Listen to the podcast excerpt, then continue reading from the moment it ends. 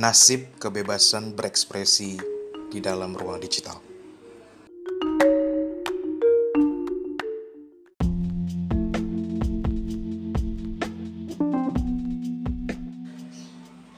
Hey, what's up everybody? Welcome back to my podcast bersama Rangga Suciptana, aka Ransu yang bukan Bensu. Oke, okay, uh, eh, apa kabar guys?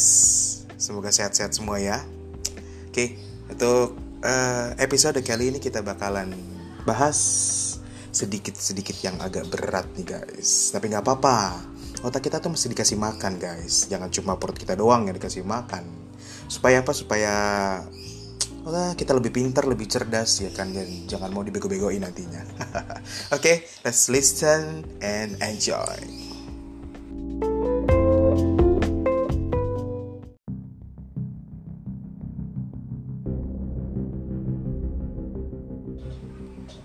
Oke, okay. kali ini gue bakal uh, bacain satu artikel dari The Indonesian Institute Center for Publicity Policy Research tentang nasib kebebasan berekspresi dalam ruang digital yang ditulis oleh uh, Rifki Rahman, Mas Rifki Rahman. Jadi ini agak berat guys, tapi ya let's go. Okay. nasib uh, kebebasan berekspresi dalam ruang digital.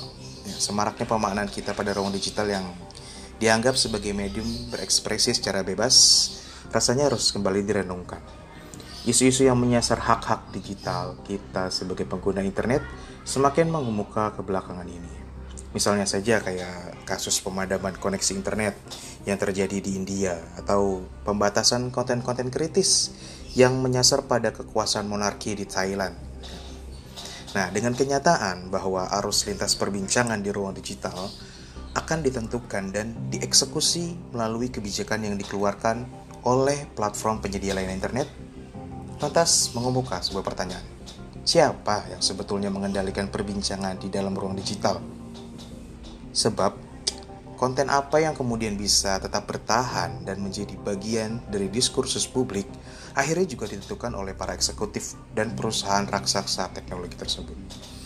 Di sisi lain, keterikatan perusahaan penyedia layanan internet pada setiap regulasi negara lantas membuat persoalan kebebasan berekspresi secara digital bersifat kasuistis.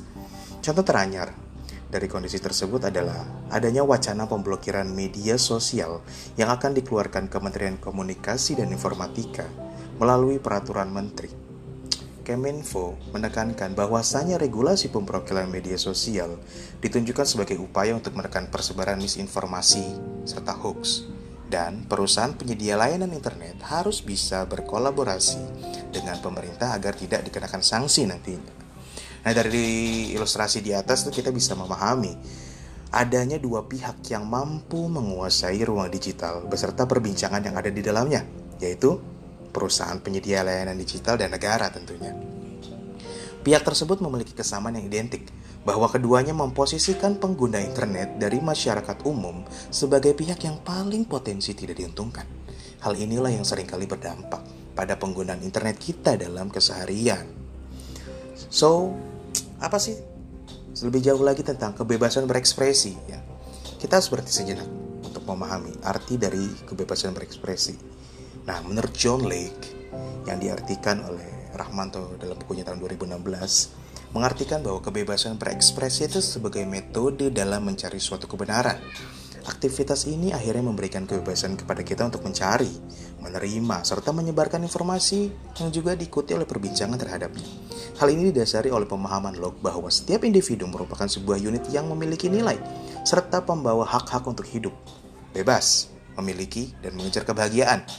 Nah, di tulisan ininya, hak-hak berekspresi tersebut kemudian merambat ke dalam digital.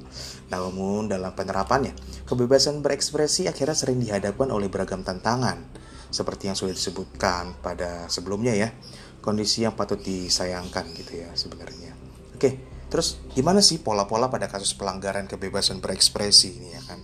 Nah, di artikel ini nih dibahas atau dikerucutkan tentang soal kebebasan berekspresi yang ada di Indonesia Oke, kita mulai dari catatan dari laporan situasi hak-hak digital Indonesia 2019 yang dikeluarkan SafeNet. Oke, di sini uh, menemukan sejumlah pelanggaran kebebasan berekspresi yang terjadi di Indonesia dalam beberapa kesempatan. Selama 2019, laporan tersebut menyatakan adanya tiga kali pemadaman internet yang dilakukan pemerintah. 24 kasus kriminalisasi kebebasan berekspresi menggunakan Undang-Undang Nomor 11 Tahun 2008 tentang Informasi dan Transaksi Elektronik atau ITE, 7 kasus pelanggaran privasi seperti doksi, pengawasan tanpa kesepakatan, penyadapan dan akses tanpa otorisasi, hingga satu kasus kekerasan gender berbasis cyber atau KGBS yang terjadi atas dorongan politik. Nah, dari catatan tersebut, kalangan aktivis menjadi kelompok masyarakat yang paling sering menjadi korban, bahkan hingga sekarang. Tentu kita masih ingat bagaimana kasus peretasan menimpa sejumlah aktivis dan kalangan yang kritis terhadap pemerintah, baik itu yang berkaitan dengan isu Papua hingga program pembuatan vaksin coronavirus 2019 atau COVID-19 yang dianggap yang digarap oleh Universitas Erlangga, Tentara Indonesia dan Badan Intelijen Negara Indonesia kan? Masih ingat kan kalian semuanya? Oke. Okay?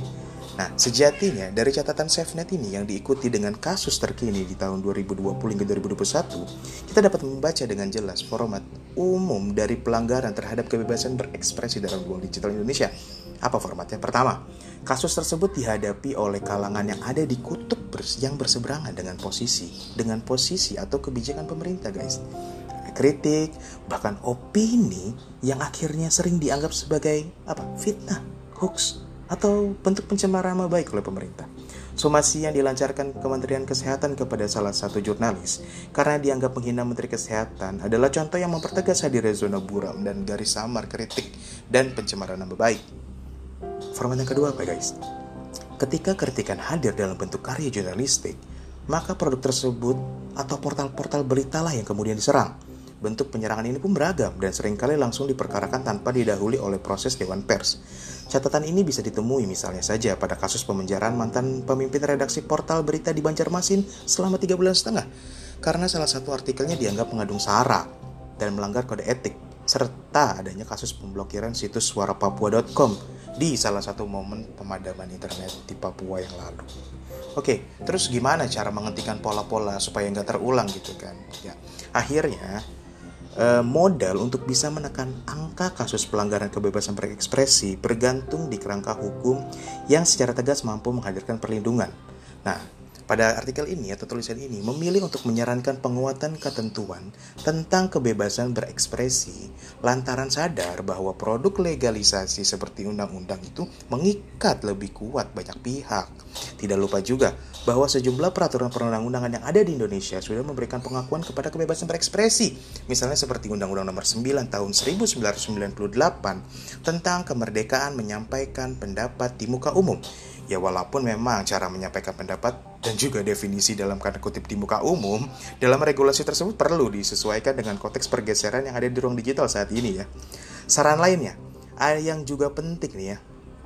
Soal pembenahan aturan-aturan yang sering digunakan sebagai alat pembungkaman hingga kriminalisasi. Apa? Undang-Undang ITE menjadi contoh klasik dari ketentuan yang bermasalah karena catatan kasusnya menggunakan klausul problematis di regulasi ini tidak sedikit lah uh, yang ketiga, oke, apalagi yang ketiga, uh, usulan terakhirnya adalah uh, berkaitan dengan upaya penguatan perlindungan data pribadi pengguna internet. Uh, sebab komponen ini paling sering nih digunakan dalam kasus-kasus seperti yang sudah dijelaskan sebelumnya. Maka perlindungan yang disematkan pada data pribadi dari ancaman peretasan, pengintaian dan beragam pelanggaran kebebasan berekspresi di ruang digital mutlak perlu diperlukan gitu kan.